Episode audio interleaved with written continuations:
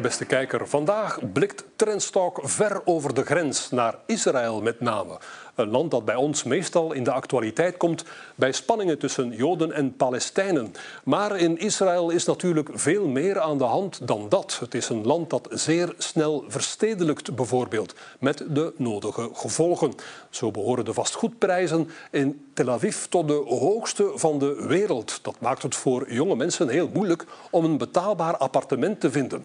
Onze studiogast woont en werkt in Israël en is heel vertrouwd met woningbouw en stadsplanning. En wie de woningbouw kent, kent ook de samenleving.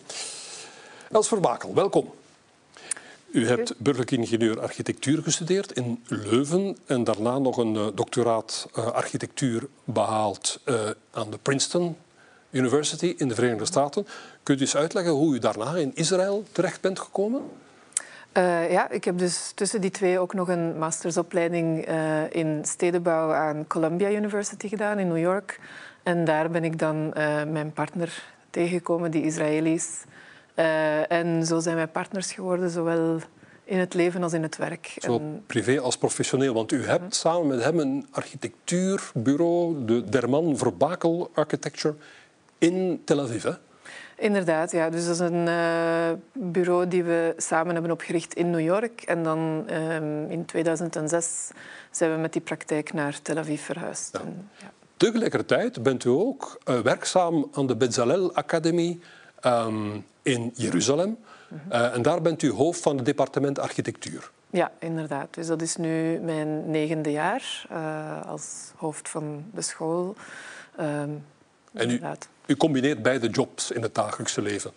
Ja, um, het is dus uh, zo dat ik vooral bezig ben nu met de academische kant, met Betsalel. Mm -hmm. uh, maar ik werk ook nog altijd aan, uh, mee aan projecten in het bureau. Um, er zijn specifieke projecten waar ik meer actief ben dan andere. Ja, en het bureau, dacht ik, is gespecialiseerd in stadsplanning. Hè? Kunt u een voorbeeld geven van de projecten die Ja, inderdaad. Dus we doen uh, heel veel uh, projecten voor stadsvernieuwing, stadsplanning. Um, specifiek uh, steden met die gemengde steden zijn tussen Palestijnse en Joodse bevolking. Um, en dan specifiek een project waar ik nu mee uh, bezig ben, is de toekomst van handel voor uh, Tel Aviv. De ruimtelijke planning van de stad uh, bij die te kijken heeft, de, of te maken heeft met veranderingen in de manier waarop handel gebeurt. De webhandel, internethandel, heeft zijn gevolgen voor de infrastructuur dan, de ruimtelijke infrastructuur. Ja, inderdaad. Dus de e-commerce en alles wat daarmee te maken heeft, uh, dat kan uh, heel veel blinde uh, gevels veroorzaken bijvoorbeeld. Wat zijn blinde gevels? blinde gevels, dat zijn eigenlijk um, winkels die vroeger echt een, een winkelgevel Functie waren en die dan meer backup plaatsen worden waar storage gebeurt enzovoort. Opslag van goederen. Ja, en dus dan moet je daarmee rekening houden. Waar kunnen die, waar kunnen die niet? Um, en ook dronehandel. Uh, ah, is al, er is al handel. Ik bestel, doe mijn bestelling bij het warenhuis en mijn bestelling komt aangevlogen met een drone. Dat bestaat al in Tel Aviv. Dat bestaat, is nog wel een pilootversie. En er zijn enkele sites uh, langs het water in grote parken waar, dat, waar dat je dat kan doen. Uh, maar het is nog alleen maar uh, een experimentfase eigenlijk. Ja. Maar daar ook, daarop moet de infrastructuur ook wel aangepast worden. Inderdaad, ja. ja. U, u, u pendelt blijkbaar dan tussen beide steden, Tel Aviv. U woont ook in Tel Aviv. U werkt in Jeruzalem aan de academie. Um, is dat te doen of zijn er in Israël ook veel files zoals hier in België? Er zijn absoluut veel files. Ah. Zoals, ik weet niet of dat het zoals in België is. Uh, er is eigenlijk maar één echt uh, grote weg tussen uh, Jeruzalem en Tel Aviv. En dat zijn toch de twee belangrijkste steden van het land. Um, en daar is ja, zeer veel file. Um, maar er is nu een nieuwe treinverbinding. Dus dat maakt het wel veel gemakkelijker. Dat en die treinen die, die, die rijden een beetje vlot in Israël? Die rijden vlot, maar niet, er zijn niet frequent genoeg. Dus ah. er zijn eigenlijk maar... Uh, er, er, is een trein om het half uur tussen de twee grootste steden terug van het land. En ik denk dat dat toch niet uh, er zouden er meer mogen de bedoeling is. Nee. Voor we overgaan op die woningbouw en die stadsplanning, mevrouw Verbakel, hoe is het om te leven in een land als Israël?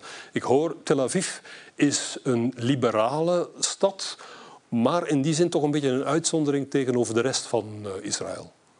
Ja, inderdaad. Dus Tel Aviv is echt de plaats waar mensen, ik zou zeggen, zelfs toevlucht zoeken om uh, iets vrijer te kunnen leven, om uh, te kunnen doen en laten wat ze willen.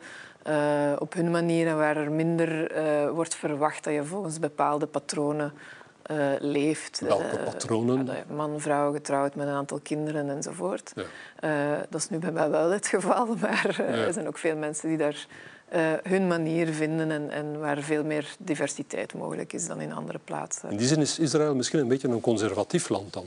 Ah, ja, absoluut. Ja. Jeruzalem is dan die andere grote stad. Is het daar helemaal anders. Komt bij ons vaak ook weer in de media bij conflicten, maar misschien is het dagelijkse leven in Jeruzalem, waar u dus werkt, is dat dagelijkse leven daar misschien veel rustiger dan we, dan we zouden durven denken. Um, je, kan dat wel zeggen, ja. Uh, dus ja, Jeruzalem is nog altijd wel een moeilijke stad. Uh, je hebt daar veel mensen die um, ja, die, het echt moeilijk hebben om uh, zichzelf te vinden in die stad, omdat je daar heel duidelijke bevolkingsgroepen hebt, hebt, en je moet bij een van die groepen horen. en als je daar niet toe hoort, dan is het moeilijker om jezelf te vinden in die stad. maar het dagelijks leven is eigenlijk ja, heel, lijkt heel normaal, maar soms kan het dan wel explosief worden. Ja, daarbij zijn we bij de Joods-Palestijnse kwestie uh, aangekomen. U woont in Tel Aviv. Moet u daar soms letterlijk gaan schuilen voor bommen of raketten die vanuit de Gazastrook worden afgeschoten? Ja, dat gebeurt uh, af en toe. Uh, ja. Dat, is, ja, dat, dat is, maakt deel uit van uw dagelijks leven? Nee, helemaal niet het dagelijks leven. Dat gebeurt, ik heb dat denk ik drie keer moeten doen. Ja. En ik woon er toch al 17 jaar. Dus, uh, maar ja, die drie keer dat waren wel... Ja, geen, beangstigend. Ja, geen leuke momenten. Ja. Die, die, die, dat conflict, Joden-Palestijnen, dat moet toch de samenleving in Israël toch tekenen, veronderstel ik? Ja, zeker, tuurlijk. Dat is uh, constant aanwezig uh, aan de ene kant. Aan de andere kant zie je ook wel dat uh, op het niveau van het dagdagelijks leven en mensen die elkaar dagelijks tegenkomen van de verschillende groepen, die, die willen echt samen zijn. Die willen echt samen een leven opbouwen. Dus op die manier zie je dat er wel heel veel wilskracht is om het anders te, te, te krijgen. Maar dan als er dan weer een conflict gaande is, wat eigenlijk vaak geïnitieerd wordt door de overheid aan de twee kanten, dan uh, komen die gevoelens heel erg naar boven, ook in het dagelijkse leven. Ja. Wat u eigenlijk wil zeggen, dat is aan de basis komen Palestijnen en Joden goed overeen met elkaar. Ja, absoluut. Ja, Wat is de politiek misschien die er wat misbruik van maakt dan? Nee? Ja, ik denk dat er heel veel uh, belangengroepen zijn, heel veel politieke uh, belangen die die status quo graag in stand houden. Um, om, ja, om zichzelf in stand te houden. Stand om te houden die, u bent dus hoofddepartement uh, architectuur aan de Bezalel uh, Academie in Jeruzalem. Is die Joods-Palestijnse kwestie, is die soms ook, zijn die spanningen soms ook voelbaar binnen de muren van, van de school?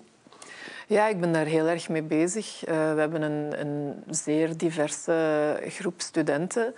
Uh, redelijk representatief van ook de demografie van Israël. Dus 20 procent, uh, bijna 20 procent uh, Arabische studenten. We hebben ook uh, religieuze studenten, ultra-orthodoxe studenten enzovoort. Dus als er dingen buiten de muren gebeuren, dan voelen we dat ook binnen de muren. Dan uh, zien we soms ook echt uh, agressie tussen de studenten. Er wordt gevochten? Um, nee, er wordt niet fysiek gevochten, maar wel um, zeer agressief met elkaar omgegaan. Mm -hmm. En dan moet je daar ja, manieren vinden om, om daar ruimte aan te geven en toch uh, gesprekken toe te laten en te zorgen dat mensen elkaar horen en zien.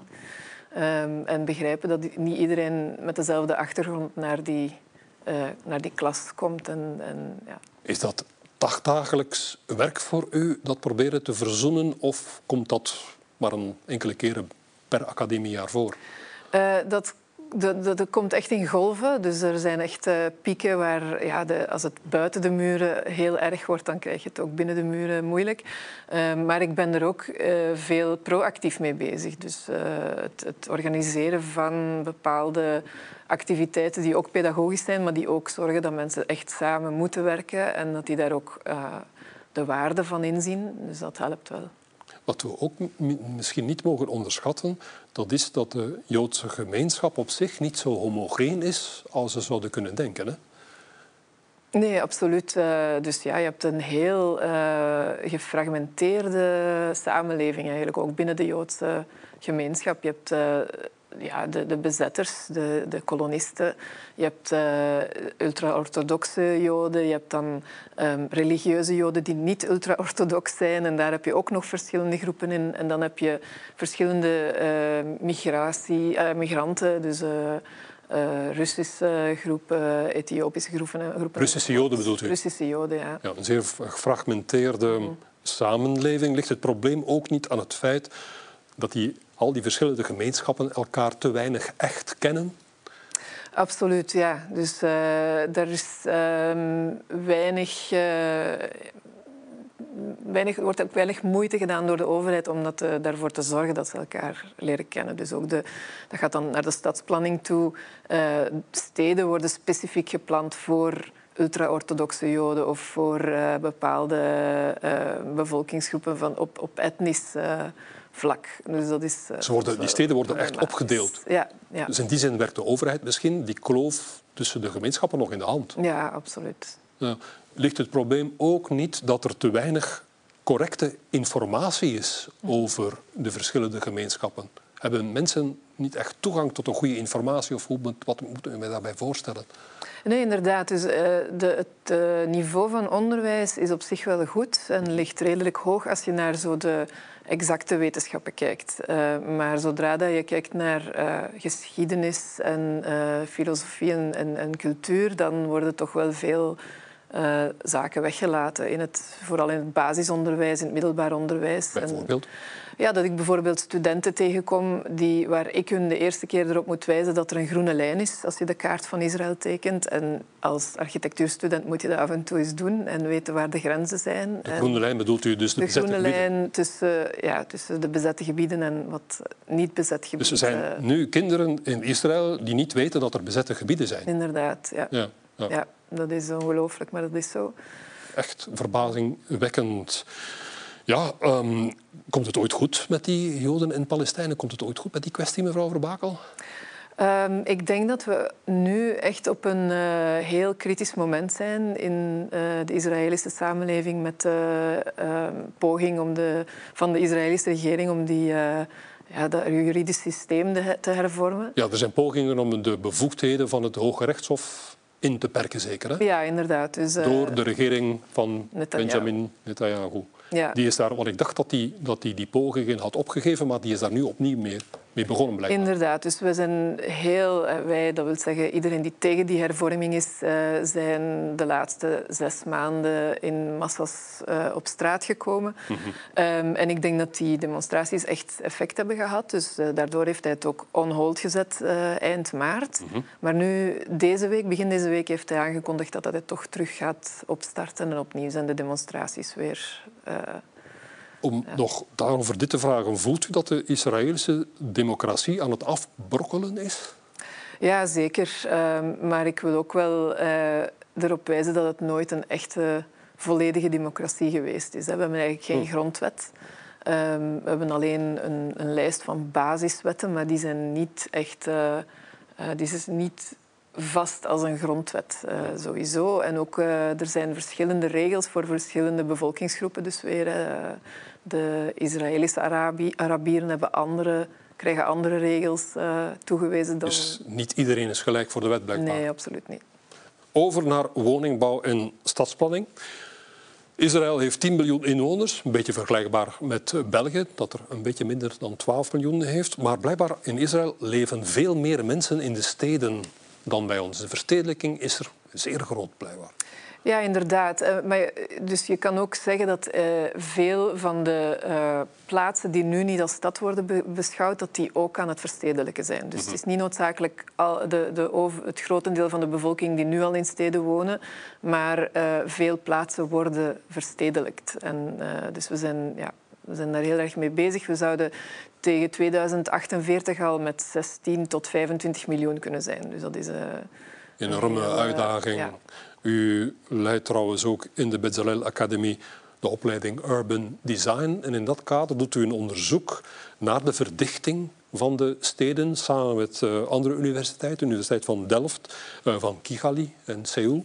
Um, wat komt, daar, wat komt daaruit uit dat onderzoek?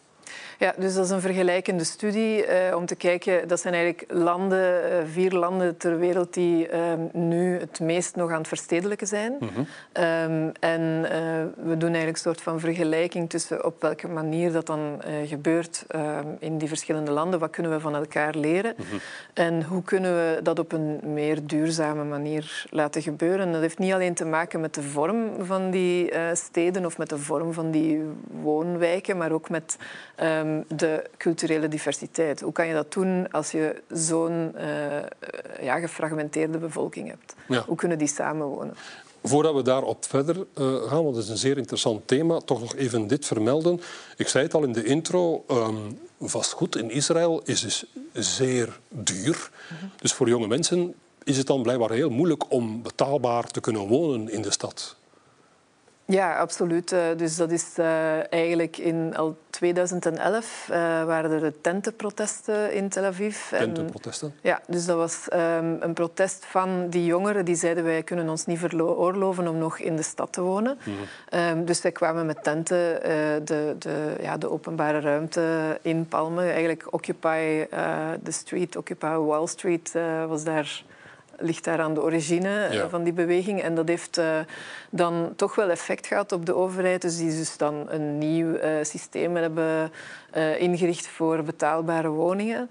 Maar eigenlijk hebben ze, is dat nooit echt gelukt. Dus het enige dat ze hebben geprobeerd is om sneller nieuwe stadsprojecten goed te keuren. Om zo snel mogelijk nieuwe woningen te creëren. Mm -hmm. maar er zijn er nog altijd anderhalf miljoen uh, woningen extra nodig om uh, er in 2048 nog genoeg te hebben. En uh, die zijn voorlopig nog niet gepland. Dus gevolg woningnood blijft hoog. En het is dus zo, blijkbaar dus dat Tel Aviv, de vastgoedprijzen in Tel Aviv behoren tot de hoogste van de wereld. -hmm. ja, ja, inderdaad, nog altijd. En ik denk dat het echt pas uh, vanaf dat men gaat inzien dat er andere vormen nodig zijn, andere typologieën, andere uh, manieren van die diversiteit toe te laten, dat we dan pas kunnen alternatieven voorzien voor wat men in, Tel Aviv wel al vindt. Dus dat gaat terug naar het feit dat Tel Aviv laat die diversiteit toe en de andere steden niet. En ik denk dat dat, dat inzicht nog, nog niet is doorgedrongen. Ja, maar dus dat is nog veel werk op de plank. Ik kan me voorstellen, even tussenin mevrouw Verbakel, dat uh, het architectenbureau van u en uw man uh, zeer veel business er heeft bijgekregen de voorbije jaren. Ja, eigenlijk wel. We zijn uh, de laatste drie jaar verdriedubbeld bijna van ja, qua grootte. Ja, hoeveel mensen hebt u in dienst? Dus we zijn nu met 36 mensen. 36 ja. mensen. ja. ja. En die hebben hun handen meer dan vol allemaal. Ja, ja, ja. we zijn dus nog aan het... We blijven eigenlijk aanwerven. Dat, is, dat stopt niet. Ja. is... En bestaat, is er ook, um, zoals in zoveel landen in West-Europa, een tekort aan geschoold personeel? Vindt u gemakkelijk geschikte medewerkers? Het is heel moeilijk, uh, omdat ook heel veel uh, architecten eigenlijk beginnen in de high-tech te werken. En zoals u waarschijnlijk weet, is de high-tech sector in Israël heel sterk. Mm -hmm. Dus uh, wij moeten eigenlijk...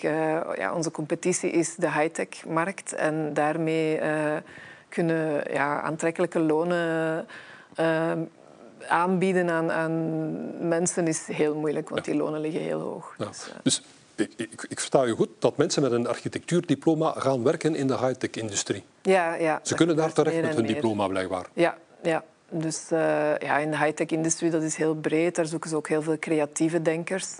Uh, onze architectuuropleidingen zijn ook redelijk technologie georiënteerd. Mm -hmm. dus die mensen ja, die studeren af met redelijk veel kennis in ja, programmeren en zo. De war on talent ook in Israël blijkbaar. Nu, um, u hebt er al over gesproken. Door die um, heterogeniteit van de bevolking is stadsplanning in Israël uh, een zeer gespecialiseerd uh, vak. Um, bouwprojecten, woningprojecten moeten blijkbaar rekening houden met culturele verschillen. Mm -hmm. Zoals, kunt, kunt, u daar eens een voorbeeld van geven?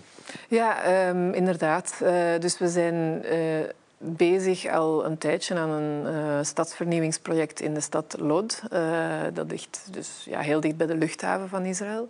Lod um, ligt tussen is, uh, Jeruzalem en Tel Aviv, dacht ik. Ja, ja dat ligt niet helemaal in het midden, maar op 15 minuten treinrit van Tel Aviv. Mm -hmm. en dus echt vlak aan de luchthaven. Mm -hmm. En daar zijn we al een aantal jaren bezig met de vernieuwing van het hele stadscentrum. Eigenlijk de, de binnenstad die vroeger een Ottomaanse stad was, maar het grootste deel daarvan is vernield. En je hebt daar nog een aantal ruïnes die overgebleven zijn. En een heel diverse bevolking van uh, moslims, uh, christelijke Arabieren, uh, Ethiopische Joden, Russische Joden enzovoort. ook heel veel verschillen qua ja, dus mensen die meer middenklasse zijn en mensen die echt heel zwakke bevolkingsgroepen zijn. En als je zoiets ruimtelijk wil plannen, dan moet je daar echt rekening mee houden met die verschillen in de achtergrond. Ja, zeker. Eh, als je dat op een duurzame manier wilt doen, wat wil zeggen, je wilt ook die bestaande bevolkingsgroepen daar houden en, en hun een nieuwe uh, infrastructuur en een nieuwe publieke ruimte geven, dan vraagt dat heel veel uh, creativiteit qua het plannen van zo'n ruimte, ook op lange termijn en ook op korte termijn. En ook overleg met die mensen met de verschillende bevolkingsgroepen. Ja, dus we hebben een, daar een marktplein uh, ontworpen. Um, we hebben daar beelden van, geloof Ja, die zijn hier nu, denk ik. Ja, de, um, de en... herinrichting van de markt. In, ja, dus de herinrichting van de markt, dat is voorlopig... Uh, op het moment dat we daar begonnen, was het eigenlijk een markt op een, uh, op een parking. En we hebben gezegd dat moet een plein worden, moet constant actief zijn. Er moeten andere dingen gebeuren dan alleen die markt. Mm -hmm. En dan hebben we ontdekt dat daar ook een uh, moslim-gebedsplaats uh, was die al uh, heel lang niet meer toegankelijk was. En dan zijn we beginnen praten met ja, de leidersfiguren van de moslimgemeenschap. Dat heet er een sheikh. Uh, en die zijn we dan gaan overtuigen om die gebedsplaats terug toegankelijk te maken, te renoveren en deel te laten uitmaken van dat plein. En dan uiteindelijk is dat dus gelukt. Uh, hebben we die uh, mensen kunnen overtuigen met het inzamelen van handtekeningen om dat terug toegankelijk te maken. En het, plein werkt nu ook op marktdagen en ook als gewoon een plein. Ja, en u vernieuwt er ook blijkbaar in Lotte verdient er ook blijkbaar de, de hoofdstraat ja, inderdaad. Dus de hoofdstraat is uh, een straat die de enige straat nog die overgebleven is van de Ottomaanse stad. Ja. En daar, uh, dat is eigenlijk een commerciële straat waar we um, ook de, de, bestaande structuren behouden, maar er ook uh, iets nieuw laten bijbouwen om dan ja, dat te bekostigen. Omdat die, um, die, er zijn historische structuren nog die een bepaalde historische waarde hebben ook. Ja, inderdaad. Dus en die in... moeten geïntegreerd worden. Inderdaad, dus het was belangrijk ook voor ons uh, dat die bevolkingsgroepen die er al zijn, dat die zich blijven uh, deel uh, laten voelen van die toekomstige stad. Dus ook als je er nieuwe gebouwen gaat zetten, dat je toch die oude structuren blijft behouden. Ja. Maar culturele verschillen zijn bijvoorbeeld ook als u een woningbouwproject uittekent voor, ik zeg maar iets, orthodoxe Joden, dan moet u rekening houden met specifieke gewoontes van, van, van, van die mensen. Kunt, kunt, u daar een goed voorbeeld over geven? Ja, inderdaad. Dus we zijn daar ook mee bezig. We zijn een, eh, een buurt aan het ontwerpen, ja, een paar woningblokken voor een ultra-orthodoxe wijk. Mm -hmm. En dan moet je rekening houden met het uh, loofhuttenfeest. Dat gebeurt dus één keer per jaar, een hele week, dat men loofhutten bouwt. En als dat dan hoogbouw is, dan moet je zorgen dat de balkons dat toelaten, dat die ook uh, constructief sterk, sterk, genoeg zijn om daar een structuur op te bouwen. En uh, dan krijg je een heel specifieke bouwtypologie uh, die echt op hun... Uh, Want ja, zo'n loofhut, dat is een zwaar ding. Ja, dat is niet bijzonder zwaar, maar het moet wel constructief uh, werken. De, de, de, mensen wonen daar echt een hele week in die hut. Dus. Ja. En zo moet je echt wel als architect rekening houden met dat soort dingen. Ja. ja. is niet eenvoudig. Uh, we hadden het over de vastgoedsector, mevrouw Verbakel. Hoe is het eigenlijk gesteld met de rest van de Israëlische economie? Is er, ik zeg maar iets, veel, veel werkloosheid? Um, er is eigenlijk een redelijk lage werkloosheidsratio um, als je denk ik vergelijkt met andere landen. Dus uh, ja, er, er, wordt gewoon heel veel gezocht naar werknemers. Ja, maar, u had het er al over. Uh, ja. Niet alleen gescholden, dus op alle niveaus wordt er, uh, worden er werknemers gezocht. Ook ja, laaggeschoolden. Um, en ik denk dat dat eigenlijk een constant gegeven is, dat het, de economie redelijk sterk blijft. Um, aan de ene kant omdat het een soort van autonome economie is, aan de andere kant omdat die ja, zeer globaal is. Het is ja. zeer verbonden met de Amerikaanse economie en zo. En heeft Israël last van zoiets als wij wel hebben, inflatie? Gaan de prijzen daar omhoog?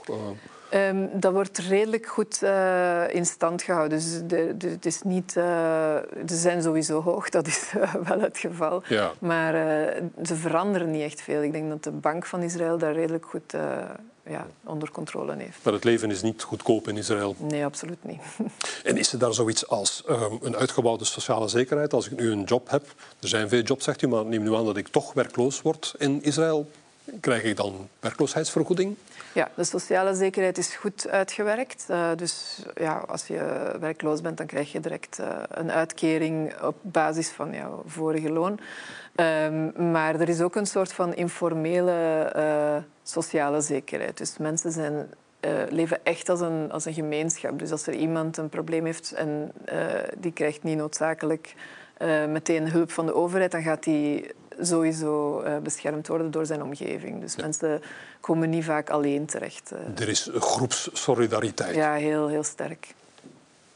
Slotsom, mevrouw Verbakel, neem u aan, als u een jonge vrouw of een jonge man bent, zou u tegen hem of haar zeggen van Israël, dat is het land uh, waar je je toekomst kan maken? Of zegt u, hmm, beter elders uw toekomst gaan zoeken? Ja, dat is een hele uh, moeilijke vraag op dit moment. Ik denk dat we echt op een keerpunt zitten en dat het de vraag is hoe, um, in hoeverre de overheid, de huidige overheid, hun hervorming gaat kunnen doordrukken. Uh, want dat gaat het bepalen. Uh, dat is echt de, de rode knop. Echt, de, de, mensen houden dat echt in de gaten, wat er ja. gebeurt op, de, op politiek vlak. Ja, ja, ja zeker. En kijken de jongeren daar ook naar? Die zijn zich daar misschien iets minder bewust van. Maar de oudere generaties maken zich daar heel erg zorgen over. Ja. En, het zou, dat... het zou de verkeerde kant kunnen uitgaan ja. vanaf nu met Israël. Het is echt uh, een keer, ja, het is echt een, een belangrijk, een kritisch moment. Ja, ja wat doet mij, doet mij denken aan de vraag van mevrouw Bakel. Zou u ooit terugkomen naar België of zegt u ik blijf wonen in Israël? Uh, ja, ik zeg niet graag ooit of nooit. Ja. dat zou kunnen, we zien wel. In ieder geval, bedankt voor uw komst naar de studio, mevrouw Verbakel. En ik wens u nog veel succes met het architectuurbureau en met de academie. Dank u wel. Zo, tot zover deze Trendstalk. Volgend weekend blikken we opnieuw over de grens naar Oekraïne dan nog wel. Onze studiogast is Luc van Kraan. Hij heeft een softwarebedrijf in Oekraïne en spendeert er een groot deel van zijn tijd. Volgend weekend komt hij zijn ervaringen in een land in oorlog delen met ons. Graag tot dan.